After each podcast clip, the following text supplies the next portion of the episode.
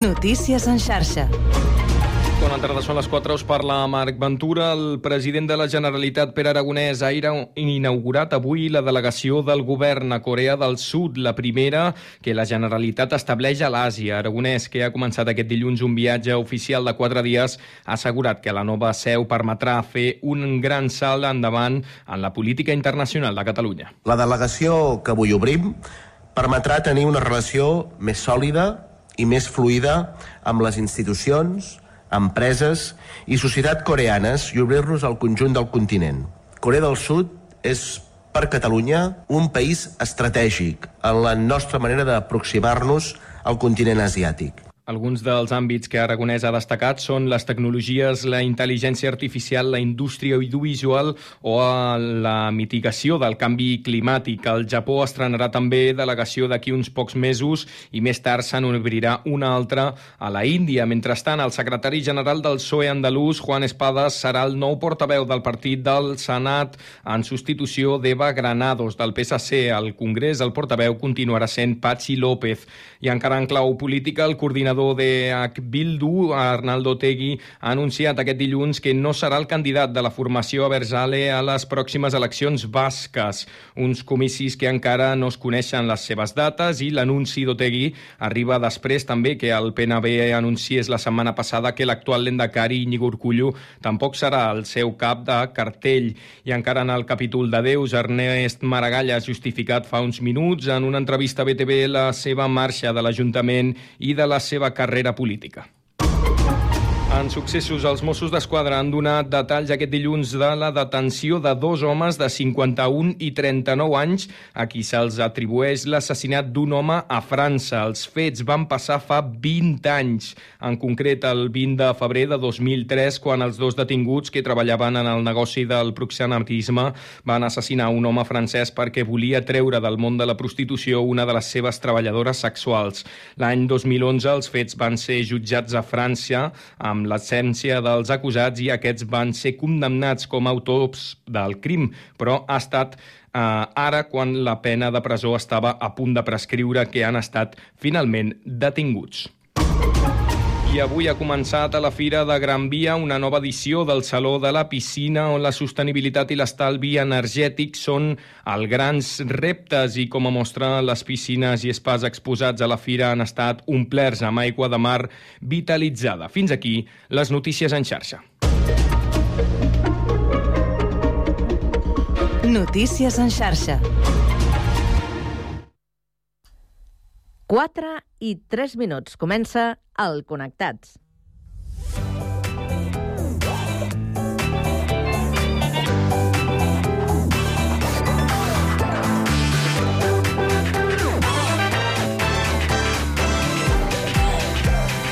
Connectats amb Carme Reversa.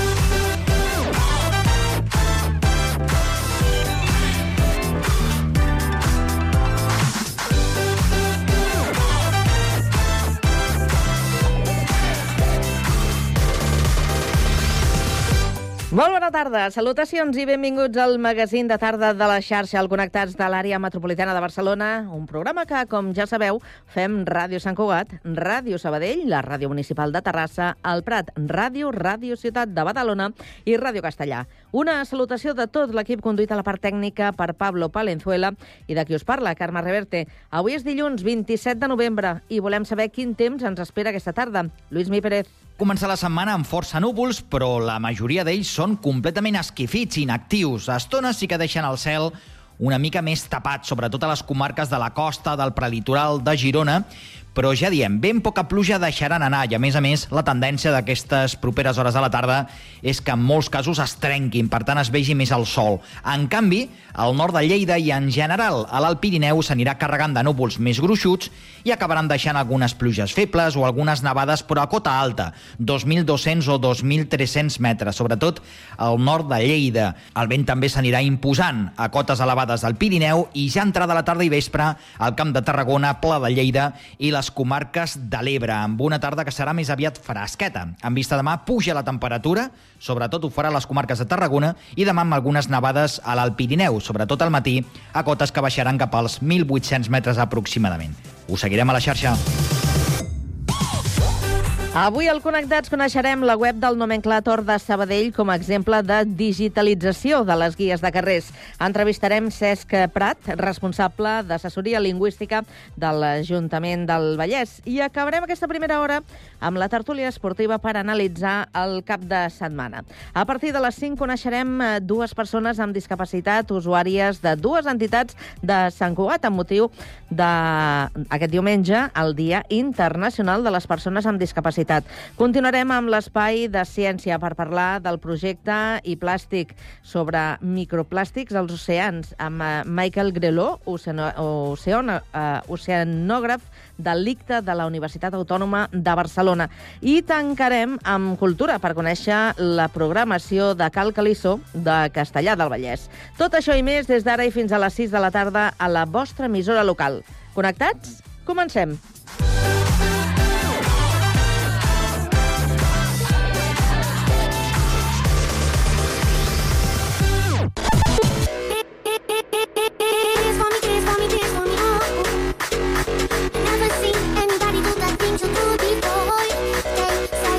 Connectats, una experiència radiofònica a Sabadell, Terrassa, Sant Cugat, El Prat, Castellà i Badalona.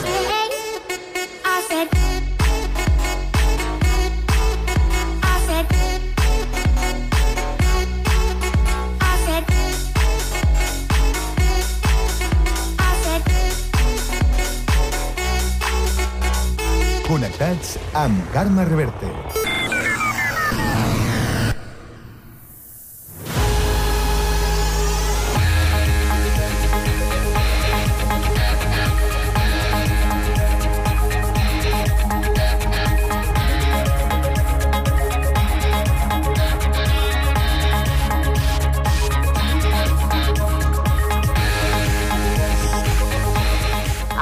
4 i 7 minuts ens actualitzem i fem un repàs al més destacat de la jornada en forma de ronda informativa. Comencem per Terrassa. Sergi Estapé, bona tarda. Bona tarda. La privatització del Servei de Transport Públic de Terrassa comença el seu procés i en el darrer ple de l'Ajuntament tots els grups municipals van avalar iniciar els tràmits preparatoris per a una nova concessió per un període de 10 anys que posarà fi als 35 anys que ha estat a mans de TMS. Segons el govern, la privatització oferirà millors solucions tecnològiques i permetrà a l'empresa contractar personal sense limitacions. Amb la nova concessió es reformularà la xarxa d'autobusos per augmentar la permeabilitat entre els barris i el centre. Entre les novetats hi ha un bus cada 7 minuts i mig cap a l'hospital, connexió amb els polígons del sud cada 20 minuts i millores en la majoria de línies. Abans, però, caldrà una nova pròrroga del servei d'un any més fins al 31 de desembre de 2024. Malgrat l'aprovació per unanimitat, l'oposició es va queixar per la lentitud del procés i perquè la pròrroga podria no ser la última. També s'ha aprovat la compra de dos microbusos dièsel que començaran a circular el mes vinent i que donaran servei a les línies 13 i 15. En aquest sentit, el PSC ha lamentat que no fossin híbrids. Gràcies, Sergi. Seguim el repàs ara per la cocapital del Vallès Occidental, a Sabadell. Pau Duran, bona tarda. Bona tarda. El judici per la peça 33 del cas Mercuri queda avui vist per sentència, després de tres sessions en què han declarat els tres acusats, entre els quals hi ha l'exalcalde Manuel Bustos i una desena de testimonis. La data coincideix amb l'11è aniversari de l'esclat de la macrocausa. El Ministeri Fiscal ha rebaixat la petició de pena dels dos anys fins als set mesos d'inhabilitació especial per exercir càrrec públic en l'última sessió del judici, on s'investiga un suposat delicte d'omissió del deure de perseguir delictes que haurien comès l'exbatlle de Sabadell, Manuel Bustos, l'excap d'urbanisme de l'Ajuntament, Manuel Somoza, i l'exintendent de la policia municipal, Josep Miquel Duran. La Fiscalia ho ha fet per l'aplicació de l'atenuant de dilació injustificada del procediment per part del Ministeri Públic, una petició a la qual també s'hi ha adherit l'advocat de la plataforma Sabadell Lliure de Corrupció, que exerceix l'acusació popular. En canvi, les defenses han demanat l'absolució dels seus clients. Cadascuna ha trobat motius col·lectius, però també individuals per fer-ho. No consideren provat que Bustos accedís al contingut del llapis de memòria, tampoc que Somoza Duran i l'excap d'assessoria jurídica de l'Ajuntament de Sabadell, Marcel Galofré, haguessin preparat amb anterioritat el resultat de la reunió amb l'empresari d'excavallers José Ríos. En canvi, la fiscal considera que l'objectiu era protegir a l'aleshores regidor del Partit Popular, Jordi Soriano, i per això calia dissuadir l'empresari Ríos d'amagar la informació que tenia sobre presumptes pagaments de comissions a canvi d'obra pública al pendrive. Gràcies, Pau. I ara anem fins al litoral. Des de Badalona, Andrea Romera, bona tarda. Bona tarda, Carme. Aquest cap de setmana s'ha celebrat amb normalitat la repetició de la prova que ha de permetre accedir 46 nous agents al cos de la Guàrdia Urbana, després de la seva suspensió fa una setmana, després de la denúncia dels sindicats per suposades incidències. El sindicat CIPFEPOL ha posat sobre la taula el fet que l'Ajuntament no accedís a la seva petició de que fos una empresa externa qui elaborés l'examen i no el Departament de Recursos Recursos Humans, assegurant que no han rebut explicacions del per què va quedar finalment en mans d'aquesta àrea de l'Ajuntament de Badalona. Escoltem Joan Marc Zamora, del sindicat CIPFEPOL. Vam eh, donar com a com a solució ja des d'un primer moment que s'externalitzés aquesta prova. Des del Departament de Recursos Humans ens van dir que aquesta qüestió no es faria i que ho farien amb ells. En el nostre cas no ens han donat cap tipus d'explicació. Com comentava, el test de cultura general de les proves d'accés a la policia local de Badalona s'ha realitzat amb normalitat aquest cap de setmana. Ho diu tant l'Ajuntament de Badalona com Stip Fepol. El sindicat policial destaca que en aquesta ocasió el tribunal ha determinat la custòdia dels documents que van arribar a l'edifici embalats. Gràcies, Andrea. Seguim el repàs a l'actualitat. Ara, des del Prat de Llobregat, Víctor Asensio, bona tarda. Bona tarda. La presidenta del Parlament, Anna R, ha visitat aquest matí la nau on des d'aquest cap de setmana es seleccionen i distribueixen els productes recollits al Gran Recapte, una tasca en què participa alumnat de tercer i quart d'ESO de dues escoles de Barcelona i Castelldefels amb l'acompanyament de voluntariat. A la nau, ubicada a la Sal del Prat, centenars de persones treballen intensament per separar i empaquetar els milers de quilos de productes que hi arriben. Una tasca voluntària que s'allarga s'allargarà encara uns quants dies per tal de fer arribar productes de primera necessitat a més de 240.000 persones de tot Catalunya a les portes de Nadal. La campanya, que des de l'any passat combina recollida de productes amb econòmiques, encara estarà oberta fins al 30 de novembre. Gràcies, Víctor. Tornem al Vallès i ara ens quedem a Castellà. Guillem Plans, bona tarda. Bona tarda. Castellà recapta 5.000 quilos d'aliments en el gran recapte que enguany arribava a la quinzena edició sota el lema Alimenta el que importa. Aquesta quantitat és gairebé la meitat que la recaptada l'any passat. Hi ha diverses explicacions per aquesta disminució. La principal és l'encariment de la vida en general. També que el nombre de supermercats participants ha baixat en aquesta edició de 8 a 4. Gràcies, Guillem. I pel que fa a Sant Cugat, eh, avui us expliquem que la ciutat compta des d'aquest mandat amb un comissionat per a les persones amb discapacitat. Aquesta nova figura està encapçalada per Ferran Felius, fins fa poc el president de l'entitat Acompanya'm, i que ha estat el responsable de fer créixer la celebració del 3 de desembre, el Dia Internacional de les Persones amb Discapacitat, a tota una setmana d'actes per visibilitzar aquest sector de la població, que van començar aquest diumenge passat i acabaran diumenge que ve. Entre els objectius que es marca per aquests quatre anys hi ha que la Generalitat obri una oficina de drets socials de Sant Cugat i l'Escola d'Educació Especial. I estem treballant, hem, hem continuat la tasca que va fer eh, l'anterior regidora eh, en matèria i esperem que aquest any, doncs, finalment, doncs, amb aquesta empenta inclusiva que estem donant, puguem, puguem tenir l'hoquei de la Generalitat, que és el que, al final, s'ha d'autoritzar. No? Vull dir, tenim els terrenys, al Turó de Can Mates, al costat de l'escola Turó de Can Mates, des de fa molt de temps, el comissionat per a les persones amb discapacitat es conforma amb complir amb el que posava el programa electoral de Junts, amb el qual es va presentar a les eleccions a les llistes de Josep Maria Vallès.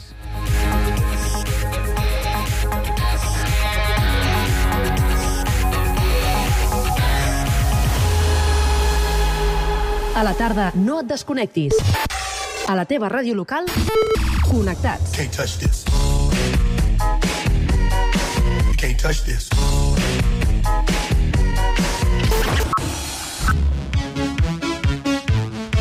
Can't touch this. Can't touch this. Connectats amb Carme Rebell.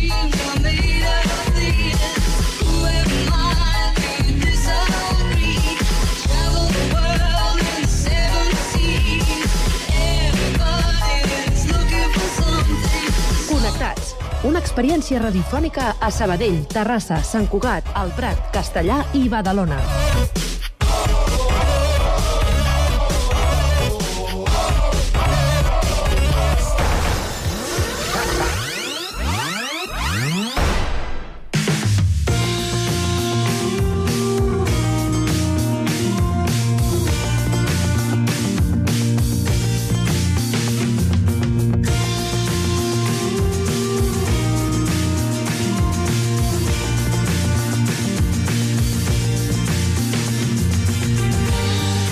La digitalització avança amb fermesa, obrint noves possibilitats a cada nova passa.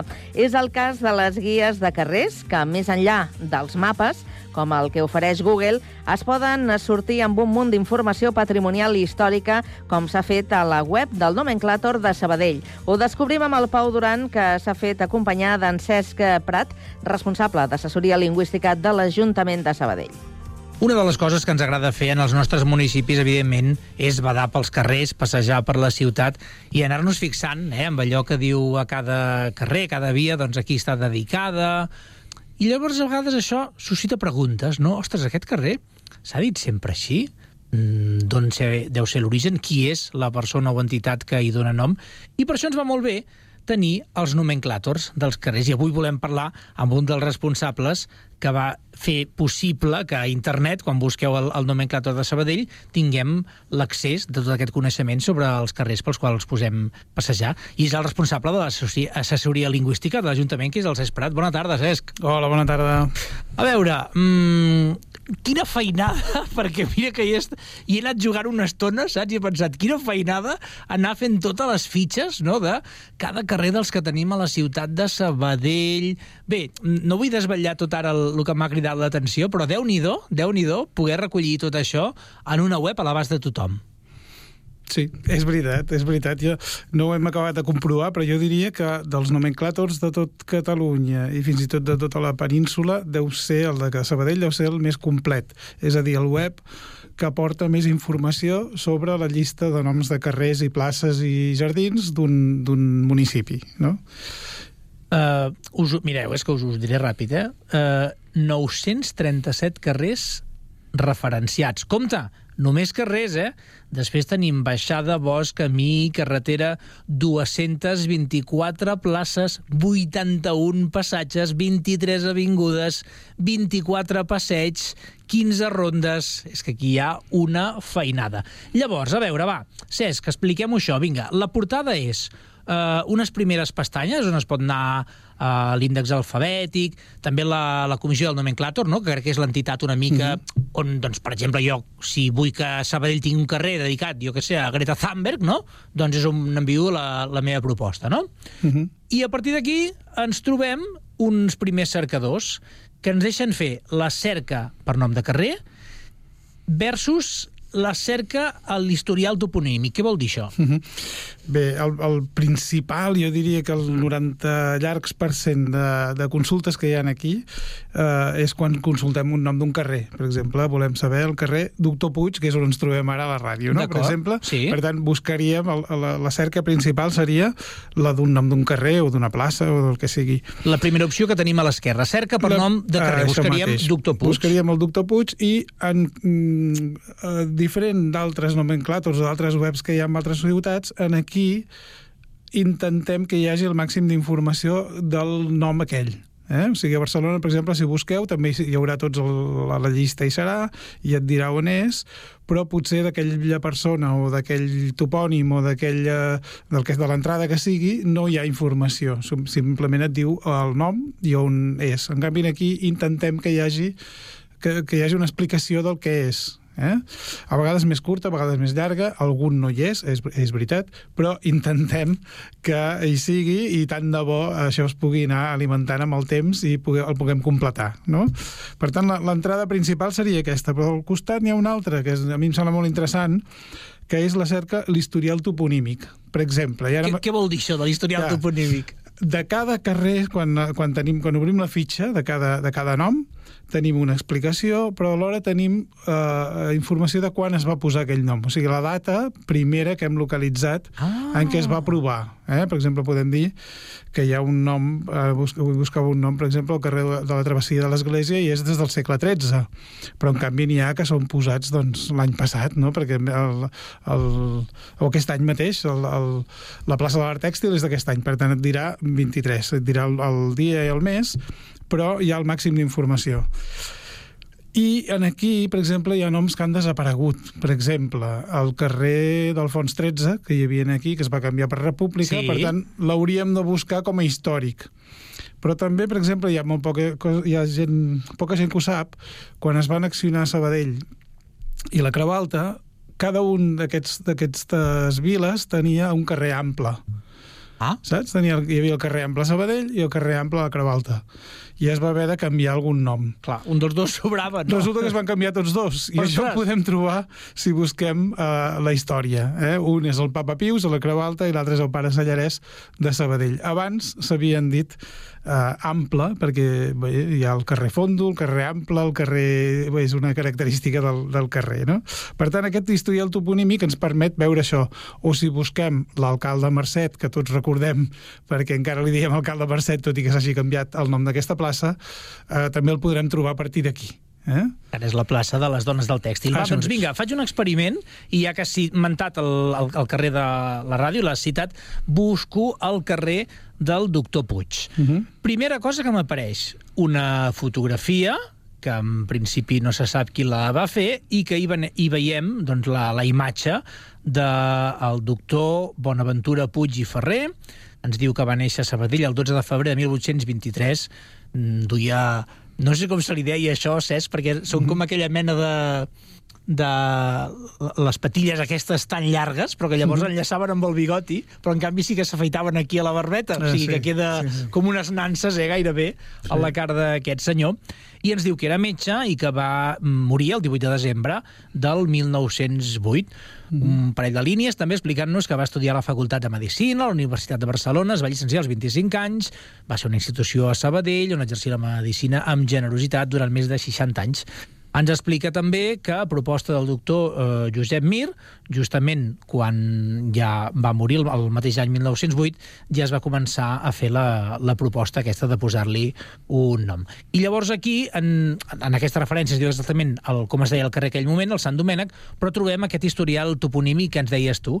És a dir, al segle XVIII-XIX, l'actual carrer Doctor Puig era el carrer dels Capellans, després va passar a ser Sant Domènec, i llavors, una vegada fet aquest canvi que dèiem del 1908, proposat cap a Doctor Puig, que diguem que dreta llei s'estrena a l'abril del 1910, va rebent algunes modificacions també per qüestió d'idioma, no? Primera, Mhm. com allò, ser punt del Doctor Puig, després passa a ser calle de, eh, Doctor Puig directament al 39, i el 30 d'octubre de 1985 ja es quedaria amb la denominació actual, que és Doctor Puig a Seques.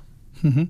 I Sí, tot sí. això d'o- ho he trobat, Cesc, perquè, mare de Déu... Bé, no, no de tots els carrers ho tenim, eh, però es poden fer consultes a l'arxiu eh, històric i alguna vegada ho hem fet i, i llavors en aquí hem intentat que el tema del nomenclàtor és un tema molt llaminer eh? per, per, fins i tot per tots els ciutadans no? es mor algú i tothom diu ostres, ara hauríem de posar un nom de carrer cosa que jo, si, si puc, al final també diria, eh, quan pensem en algú que es mor no pensem a dedicar-li un carrer homenatgem-lo d'una altra manera homenatgem-lo en vida, per exemple Clar. o homenatgem-lo posant una placa a algun lloc o...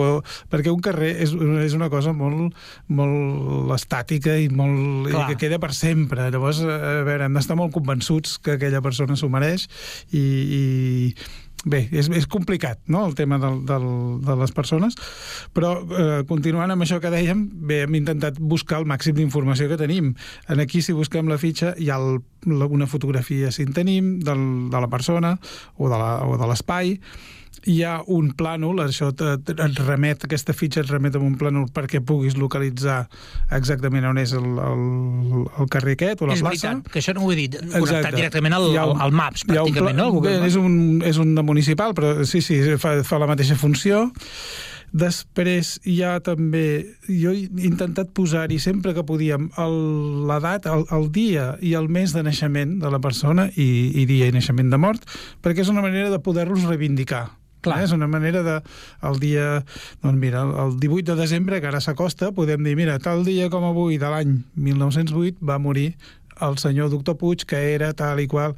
És una manera de... Si, si tenim aquesta informació, eh, abans es posava l'any, sobretot, mirem a l'enciclopèdia catalana i et diu l'any de naixement i mort. I en canvi ara intentem posar dia i mes perquè és una manera més de, de, de, bueno, de, de reivindicar la, les persones aquestes, la que sigui, eh? la, la persona que sigui. Clar. I l'altra cosa que tenim, que també és interessant i que jo crec que altres llocs no ho han fet, és posar tota la, totes les persones que tenen un, un carrer o una plaça a Sabadell, que tenen fitxa aquí, traslladar-los a la Viquipèdia. O sigui, tots els sabadellencs que tenen un nom de carrer... Que bo! Hem, eh, ho hem fet sistemàticament que els puguin localitzar a la Viquipèdia amb un, amb un enllaç cap aquí. Això ens va bé a nosaltres com a Ajuntament perquè eh, visibilitzes aquest web, no? perquè et va, et va portant cap aquí i alhora el, les persones i, i, i tothom qui hagi d'anar en, un, en un espai del, de, del nomenclator de Sabadell doncs el pot trobar a la Viquipèdia que també va bé per tothom. No? Per tant, tothom hi surt guanyant, que és això. I després m'agrada molt també, Cesc, que heu fet eh, uns destacats el, per agrupar una mica quatre cerques temàtiques, no? i que en lloc d'anar buscant un per un directament puguis trobar que hi ha a la ciutat, eh, que són gent de Sabadell, uh -huh. eh, una altra cerca que és Sabadell i la indústria tèxtil, Sabadell i les dones, i també Sabadell i la música. Uh -huh. Com veu decidir que fossin aquestes quatre? Bé, en principi n'hi havia tres només, hi havia, que em sembla que eren bastant clars, no? Gent de Sabadell, per poder dir, mira, el nomenclator de Sabadell, destaquem la, la, la gent que, que ha viscut aquí, o, o hi han nascut o mort, o, o hi tenen una relació que els, que els puguem considerar com a sabadellencs, no? Clar. Primera.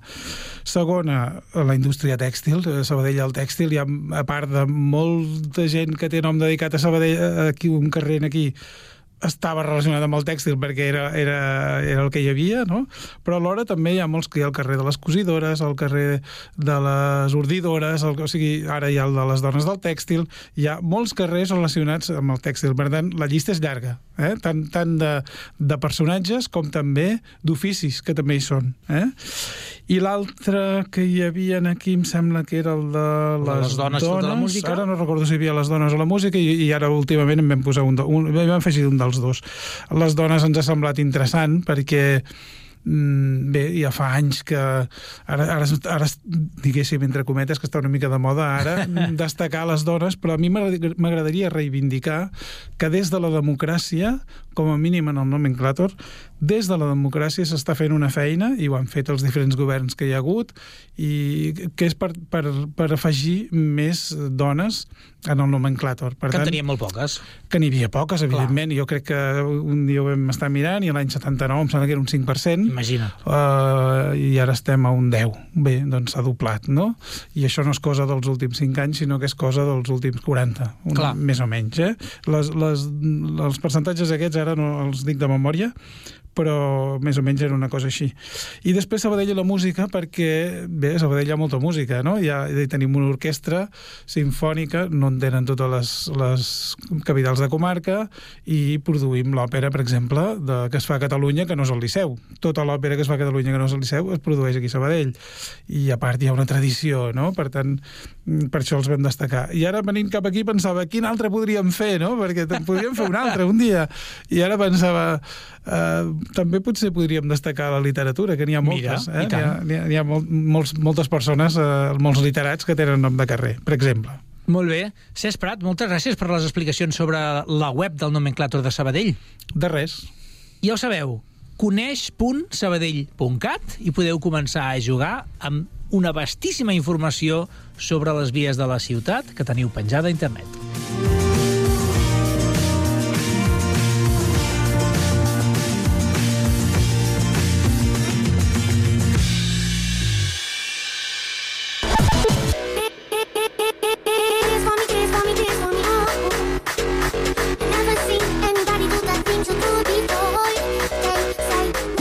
Connectats, una experiència radiofònica a Sabadell, Terrassa, Sant Cugat, El Prat, Castellà i Badalona.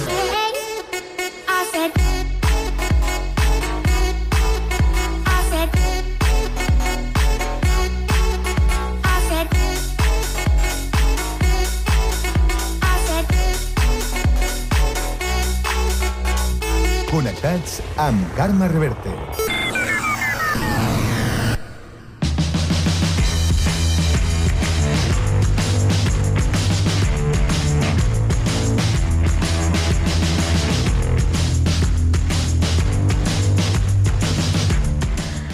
I amb molta puntualitat arribem avui dilluns a la tertúlia esportiva, aquesta estona de conversa que avui centrada en el món de l'esport, principalment en el futbol, que és el que ens agrada, però avui parlarem una mica també de, d'atletisme, ja que ens acompanya el Carles Silvestre, que és el nostre atleta de capçalera. El tenim a Terrassa. Carles, bona tarda.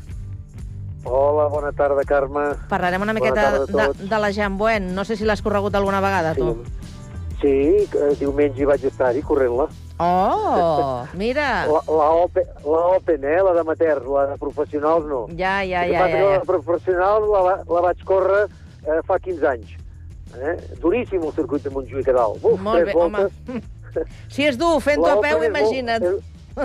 La Open és molt més planeta. Molt bé, doncs uh, saludat, saludat estàs. Deixa'm que mm, ara donem la benvinguda al Raül Chao, que és periodista i el tenim a Sabadell, com cada dilluns puntual també.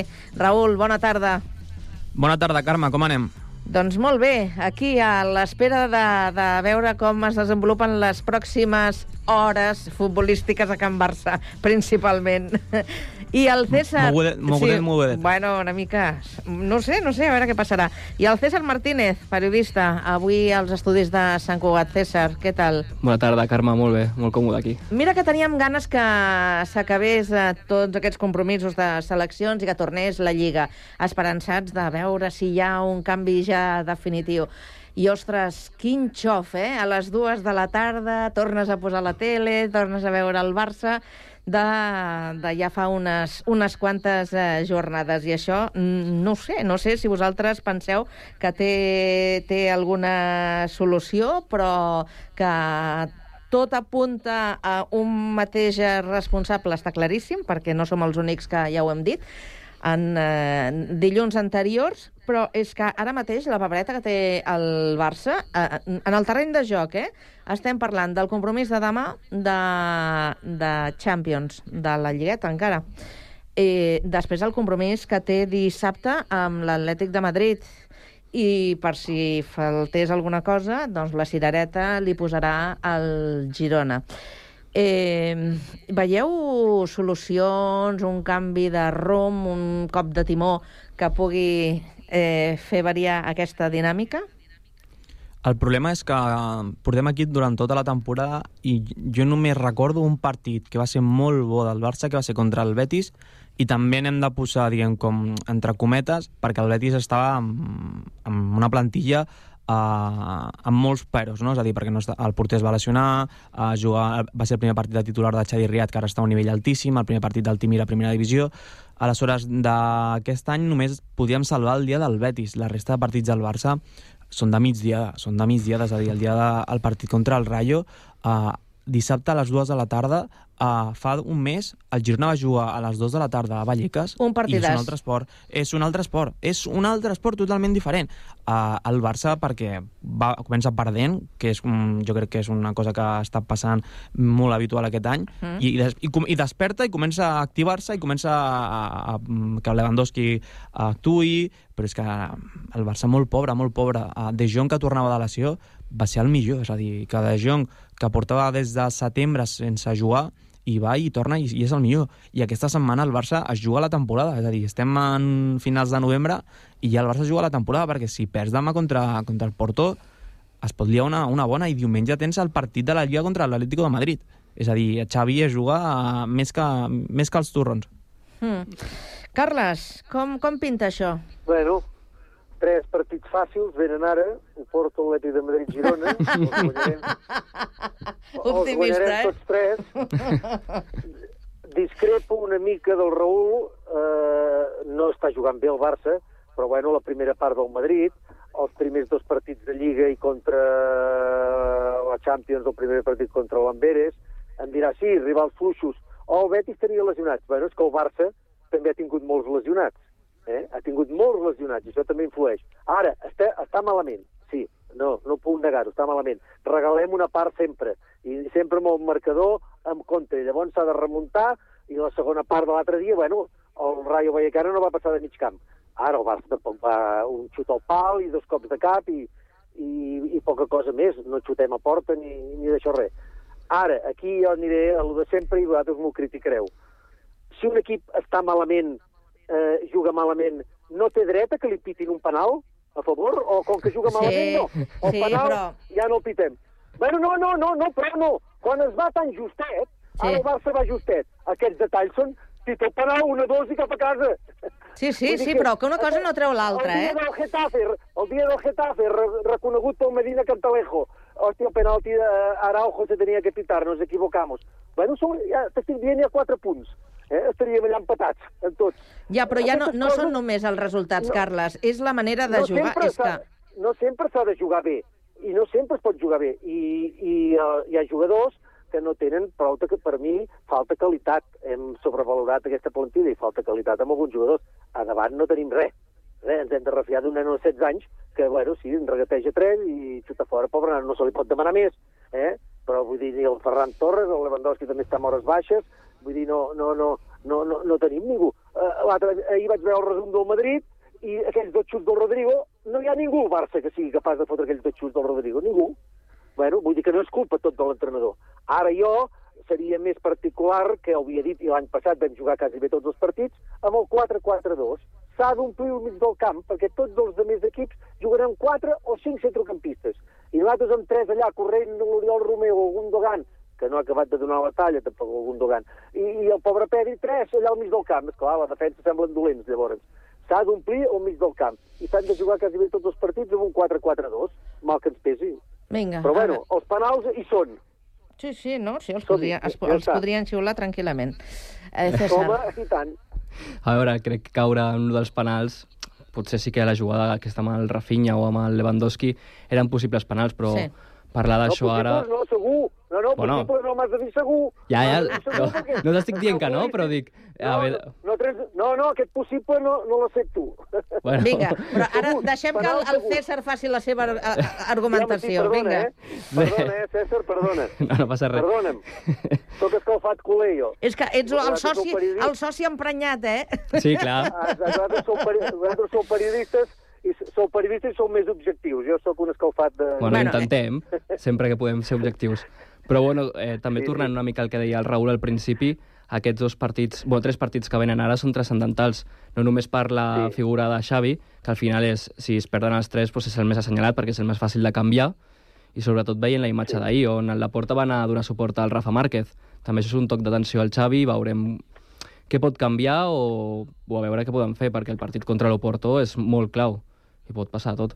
Sí, però en canvi eh, vau veure segurament les declaracions que va fer Piqué de santa paciència, no? Que a Can Barça, clar, s'exigeix molt i que s'ha de tenir una mica més de paciència. Sí, però depèn de a quina persona.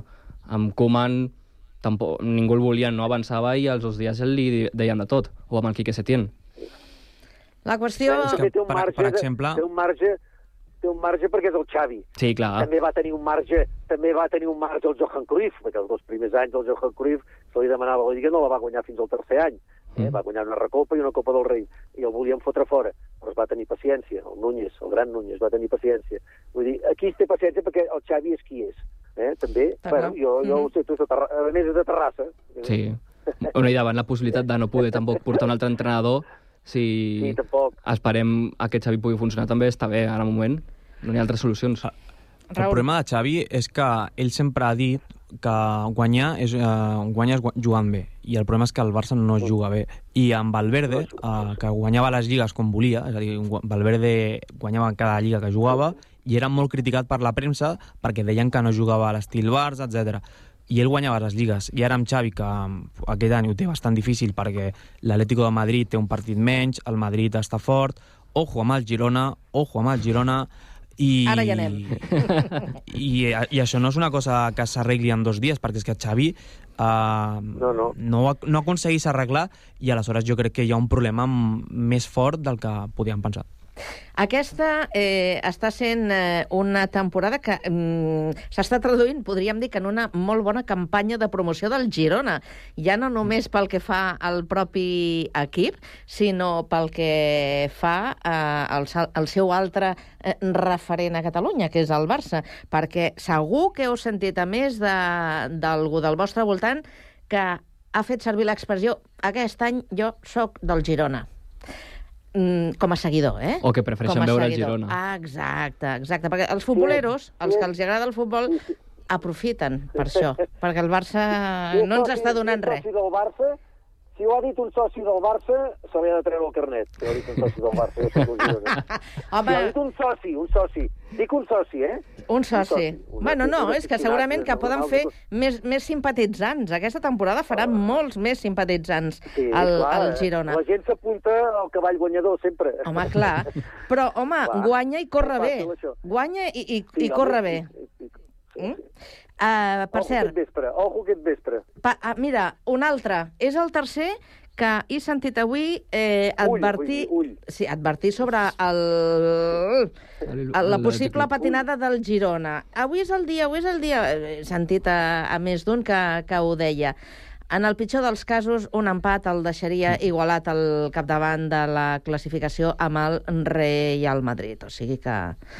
Sí, però jo crec que el Girona avui a priori és més eh, favorit per guanyar, perquè rebent a casa Sí, l'Atlètic Club, que a domicili li costa més, no és com jugar a Sant Mamés, així que tampoc crec que tampoc s'ha de patir tant, crec, no sé. Després Mm. veurem a, sobre, amb la pilota en joc el que passa i el que proposa Valverde a la- a l'equip No, de... Veurem Sí, sobretot com dic està el jo. Girona amb la, amb la plantilla, no? perquè recordem que, per exemple, Dovic i, i Sigankov han jugat a 180 minuts contra, amb, amb Ucraïna, els partits d'eliminatòria de, per intentar estar a l'Eurocopa. A Mitchell va dir que potser haurien sorpreses perquè hi hauria algun titular que no estaria al 100%, aleshores veurem com, com ho fa el Girona, però és que sobretot el, que, el mèrit que té Mitchell és que quan no juguen bé, com per exemple el dia el dia del Celta, que, que guanyen amb un gol a l'últim minut Ángel Herrera, és que guanyen, és a dir, és que uh, té tot a favor. I això també uh, té el, el beneplàcit de que la Lliga, és a dir, tant Barça i Madrid no estan bé. El Madrid té mitja plantilla que està lesionada, és a dir, ara mateix no té, no té fons d'armari. El Barça està com està. L'Atlético de Madrid sembla que aquest any pot ser un any, però és que el Girona li està traient 10 punts al, al cinquè classificat. Aleshores, uh, si puntua un, un dels dos partits que són a casa, tant aquesta nit com la setmana que ve contra el València a Montilivi, arribaria al duel contra, contra el Barça a Montjuïc per davant del Barça. I ja estaríem a les jorna a jornades de... mm, que no és la jornada 3 o la jornada 4. I el que deia el, el Carles, de, les ganes que tinc de veure el partit d'avui són molt, moltes, però també de veure l'au- l'audiència que dona, perquè és a dir, és un partit que es dona en obert, que és contra l'Atlètic Sí. Club, i aleshores podrem veure la gent que té ganes de veure el Girona. No, o sigui, aquest, nu- aquest partit en audiència farà molt bons números, perquè com veia, si és en obert, Sí. que no me'n recordava, sent l'Atlètic Club, que és un dels partits que sempre que es donen obert sempre tenen bona audiència, i amb el Girona de moda, donarà bons números. Di Dieu-m'ho tot, sí, per gol a les 9 del vespre. Ah. Faltava aquesta, Vale, vale, aquesta dada, no? A veure, o sigui que podrem veure uh, aquest partit que presumiblement Ara- és un bon cartell. Ara també heu dit que, eh, hòstia, el Girona té internacionals que l'han vingut carregat de minuts, o el Barça 14 internacionals tots carregats de minuts, també. Ja, però el Barça porta tota la vida amb internacionals. Ja està acostumat. Bueno, però, però si, encara que porti tota la vida, eh, els jugadors venen cansats, eh? Ja, I ja ho sé. Han anat a viatjar Ja, però- cap allà a Sud-amèrica i, i, i tot plegat. I jo dic això, ull del Bilbao, per allò que foto jo de tant en tant de la ruleta, eh, està sortint vermell tota l'estona. Vermell, vermell, vuit vegades vermell, hosti, toca negre. Igual que l'Almeria no ha guanyat cap partit. Ara que jo faig una travessa cada setmana amb un grup allà, aquesta setmana ha de guanyar l'Almeria. Li toca no guanyar cap partit. Pobres. Saps? Bueno, guanyarà quan Però- jugui però- contra el Barça. però, sí, però, però més per coses d'aquestes que no, que no científiques eh, i futboleres. Eh? Molt bé. Eh, doncs res, aquest, aquest vespre no us perdeu el partit. Qui, qui anava a apuntar alguna cosa No, més? no. Ah, pensava que anaves a dir una altra cosa. No, no. Eh, Sí, parlem del Barça femení, que de moment tot són eh, bones notícies. Aquest cap de setmana també ha tornat a, a golejar, 0-4 a, a les Leones. Però en aquest cas, el, sí, el que mm, m'agradaria que comentéssim és aquesta notícia sobre les xifres i el creixement de, de la secció de, femenina de, del Barça. Un equip que en tres, en tres temporades ha disparat a, a, al 204% la xifra, la, la xifra d'ingressos, també ha disparat el, el taquillatge, també els patrocinis, també la venda de samarretes, vull dir, s'ha convertit... Ja sabem que arrencar, com qui diu, de 0 a, a, a 10, mm, ràpidament eh, agafes eh, velocitat, que després l'important és eh, continuar doncs, eh, creixent de mica en mica o, o mantenir-se, no? eh, però, vaja, que els números... Això demostra, això demostra que quan eh, algú té interès i s'hi aposta, les coses eh, poden, poden sortir? Carles? Correcte, correcte. Sí, sí, co correcte, correcte. Es recull, es recull, eh, es recull el que s'ha sembrat des del 2015, que es va començar a professionalitzar, s'ho van agafar en sèrio, el Barça hi va abocar el carro, eh, amb el Marc el Ferreta s'ha fet una gran, es va fer una gran gestió que no sé per què se l'han tret, doncs aquestes coses no les entendré mai, eh, i, i s'han fitxat, s'ha fitxat bé, hi ha, hi ha pedrera, hi ha molta pedrera, eh, eh, també, i vull dir, hi ha, hi ha un pack aquí que, que hi ha jugadores consagrades i a més ara puja, hi ha, de, hi ha de noves, hi ha una tal Dragoni, aquesta nana que va sortir l'altre dia que la vaig veure una estona amb 17 anys, vull dir, s'ha fitxat una altra de jove, les, les dues ingleses que s'han fitxat no són joves però han rendit molt, l'Ona Batlle que ha tornat també molt bé, i tenim tres lesionades, eh, que són la Rolfo, la, la, la d'això, la, la Potelles i, i quina més, l'altra, i la Paredes són titulars indiscutibles, eh, també. Vull dir, s'està recollint el sembrat i s'estan fent les coses bé i s'ha apostat. I per això, bueno, patrocina el que has dit tu, eh, eh? Carme, mm, vull dir, mm. perfecte, endavant. És que el, par el partit amb... Digue, Raül. Uh, de tota la temporada a Montjuïc, el millor partit que ha jugat un equip del Barça va ser el femení contra el Madrid, és a dir, de llarg, de llarg, amb una sí. distància abismal respecte al Barça masculí. Aleshores, un, que primer la gent està encantada per com juga l'equip, i després perquè es veuen reflectides en, en el terreny de joc.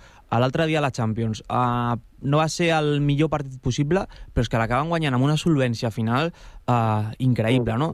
Uh, de les dades que, que més destaco és que les samarretes d'Aitana i d'Alexia són de les més venudes de tota la marca Barça, és a dir, uh, per sobre de, de jugadors de, de l'equip masculí. I això és molt important per elles sí, sí. I, pel, i pel Barça femení, perquè el, recordem que aquest any el Barça té un, un problema, que és que ha de renovar moltes jugadores i el pressupost la, la necessiten augmentar. Aleshores, si tu aconsegueixes mm, vendre molts productes, que les marques apostin encara molt més pel, pel Barça femení, això farà que, per exemple, l'Alexia, que, que ha de renovar i que ha de renovar bé perquè ha estat, mm, segons diuen, guanyant entre 350.000 euros les últimes temporades quan guanyen la pilota d'or, ara que porta dos pilotes d'or, més el Mundial, més dos Champions, mm. jo crec que ara eh, demanarà un contracte més elevat, ja que estem potser sí. parlant de del seu últim gran contracte, no?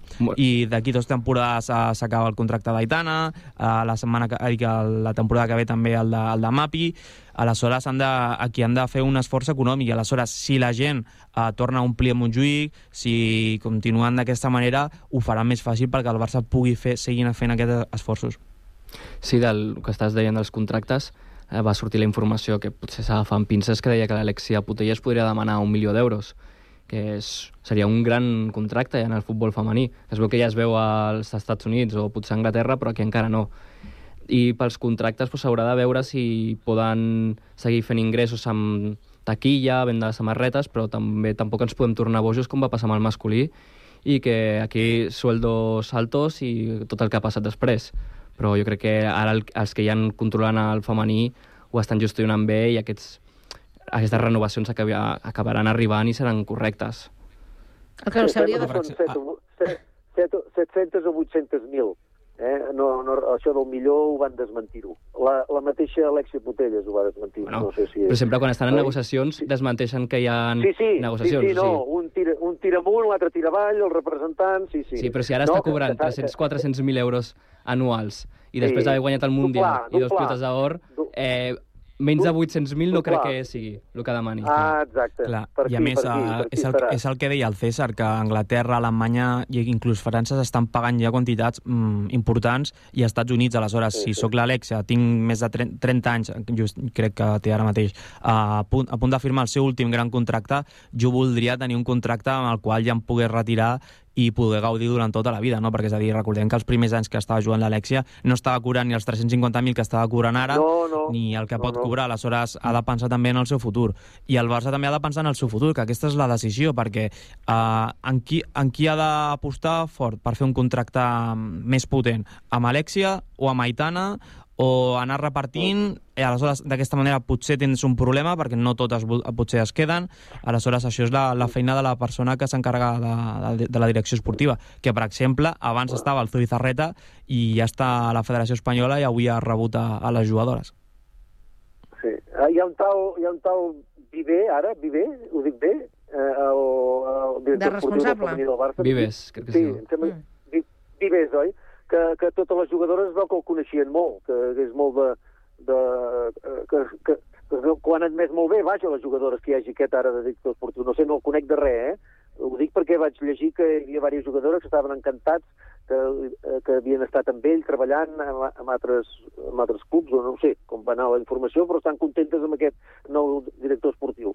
I s'ha de tenir en compte una cosa, que aquí se'n parla poc, jo no tampoc vull parlar-ho, però ho tinc que treure, perquè ho sé de bastant part certa. Aitana i Alexia ni es miren, eh?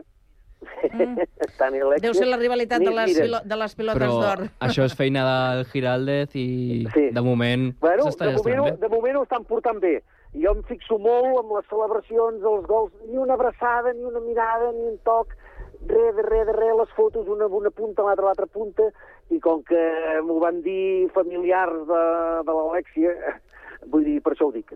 Eh? I això ho estan portant bé. De moment no, no interfereix amb el joc de l'equip. Bueno, no cal que siguin millors amigues. Mentre vagin a No, una i vagin no, amb el no. Barça a guanyar, ja és Vale, el val, necessari. això. Quan, Sí, sí, quan anem a sí, treballar sí. no anem a treballar amb els amics, eh? Clar. Tenim companys de feina, alguns No. són amics i altres no. sí, sí. No, poc. la, qüestió, la qüestió és que el club tingui clar eh, si vol continuar apostant de la manera que, que ho ha fet i, i tenir doncs, eh, una persona que, que sigui, diguem, el far no? que, que comandi eh, la presa de, de decisions eh, de la manera més encertada possible. Que no, que no és fàcil, eh? Que no és fàcil. Però No, vaja, no, no per, és fàcil, no. per mantenir-se en aquesta línia. Aprofitem, dèiem al principi, que tenim el Carles per parlar d'una Bueno. prova atlètica com la cursa Jean Buen, eh, que ha arribat al centenari, 100, 100 edicions d'una cursa mítica que es fa eh, a la muntanya de, de Montjuïc i, i tu com a, com a atleta eh, Sí.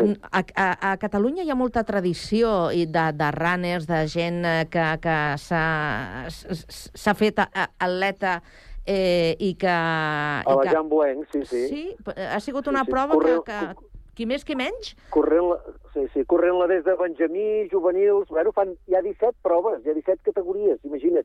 Ja comencen eh, els benjamins, els infantils, cadets, juvenils... El, el mateix Reyes Esteve se- sempre ho diu, que, mira, la, ahir va quedar tercer Sí. de la, de la, Correcte. de la Open. Uh eh, ell ja, ja, hi té una simpatia especial perquè ja la corria de petit i hi ha fotos amb 8 i 10 anys que ja corria aquesta prova.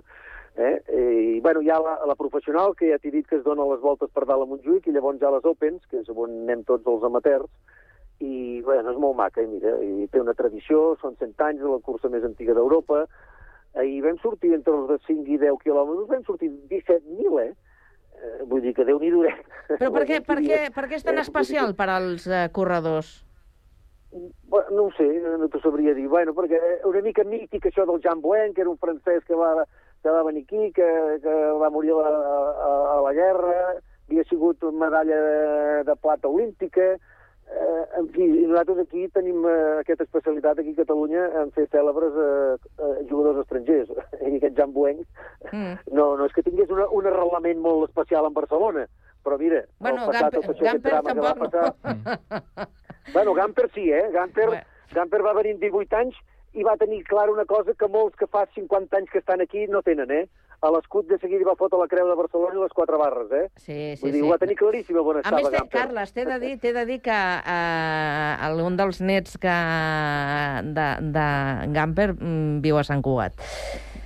O sigui que... Sí, sí, sí, sí, no, arrelat sí que, sí que ho està, però vull dir que mm, per allò Sí, que home, moltes sí, vegades que- es que- diu que, que- que, que, que som Sí, un, bueno, un club que- estranger, mira, no?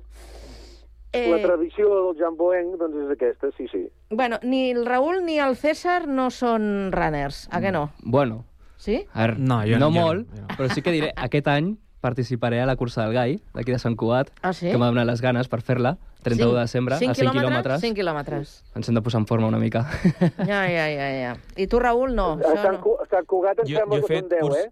Perdona, Carles? A Sant, a, a Sant Cugat em sembla que són 10 quilòmetres, eh? El, la, del 31 de desembre. No, no, no, 10. la, la cursa del Gall són 5. L'únic fa dues... Ah, la del Gall! Ah, vale. Vale, Sí, sí, vale. Així sí. no, és la, no és la Sant Silvestre, diguéssim. No, no, no, no, no. Ja, ja no es fa la Sant Silvestre a No. Sant Cugat. S'ha s'ha- Vale. perdut aquesta tradició. Eh, No, deies... perquè jo l'havia deixa- corregut, també. Ja, ja, ja. Deixem el Raül. Vinga, Raül. No dic que quin ensurt l'ha fet el Carles al César ara, si ha de fer 10 quilòmetres ara mateix, jo crec que s'ho estaria pensant. Però no, no, fora bromes. Uh, jo, jo he fet alguna, alguna cursa, bueno, vaig fer una corrent de curses que- aquestes que fan de, contra el, amb el càncer de, de mama i coses d'aquestes, que Mm. són benèfiques, Ah, val. i que eh, sí que va- vaig fer una, però no sóc molt de córrer, és a dir, tot, possiblement tot el contrari. Millor fer cròniques, no? Anar a veure partits i fer Sí, millor, cròniques. mi- millor veure esdeveniments esportius. I una altra cosa és que d'aquesta dels participants d'aquesta cursa és que, que tir possiblement sigui una de les esperances per medalla en els Jocs Olímpics i després la l'Ester, la de Banyoles, eh, també té, és una atleta que ha Sí. irrompo- irromput força aquest any i que també pot tenir alguna esperança de guanyar alguna medalla als Jocs Olímpics. Aleshores, eh, per la cursa, que aquests dos esportistes hagin guanyat, jo també crec que és, un, és molt important per, a, per donar aquest renom. Mm I és un, i és sí, un goig tan gran veure que n'hi ha esportistes, no només catalans, també espanyols, arreu dels esports, que poden ser el teu mirall per millorar o el que sigui, per, com per exemple el Catir, com bé deies. És bastant... I tu en qui t'emmiralles, eh, César, quan Jo? vagis a fer la cursa del gall?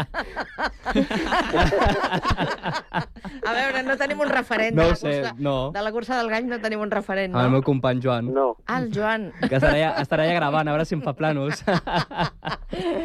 Molt bé, doncs avui amb bon sentit de l'humor acabem aquesta tertúlia esportiva gràcies al Carles, al Raül i al César. Que tingueu molt bona setmana, nois, que vagi molt bé. Igualment, Bona setmana. Adéu-siau, adéu.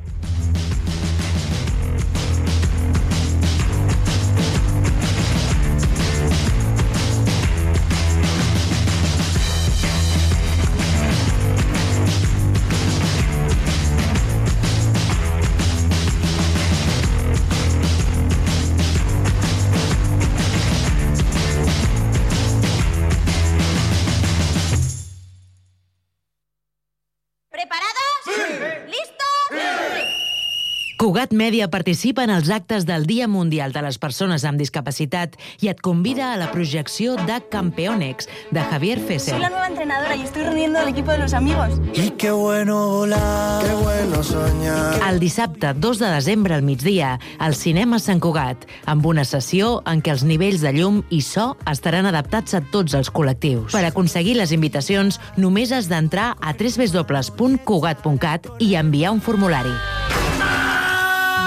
Si voy a saber hacer esto, entrenadora. Cugat Mèdia. Som especials, com tothom. A mí esto me parece un peligro. ¡Bingo! Estàs pensant a posar plaques solars a casa teva? Doncs passa't a l'energia solar de manera fàcil i segura amb la teulada, experts en energia solar i el nou espai d'assessorament per a la ciutadania i les empreses. Informa't a la teulada arroba amb.cat o contacta'ns per WhatsApp al 645 725 465. La teulada és un servei de l'AMB finançat amb el Fons Europeu de Desenvolupament Regional. AMB, Metròpolis de Barcelona. Cugat Mèdia ofereix un servei per rebre l'actualitat més destacada de Sant Cugat a través del WhatsApp. Què rebràs? Les notícies més importants, els avisos d'última hora o les incidències de la teva ciutat. La informació més propera al teu mòbil. Com et pots subscriure al canal de WhatsApp? Envia un missatge de WhatsApp que digui alta al 673 172 075 i segueix les instruccions de subscripció. L'actualitat més propera al 673 172 075.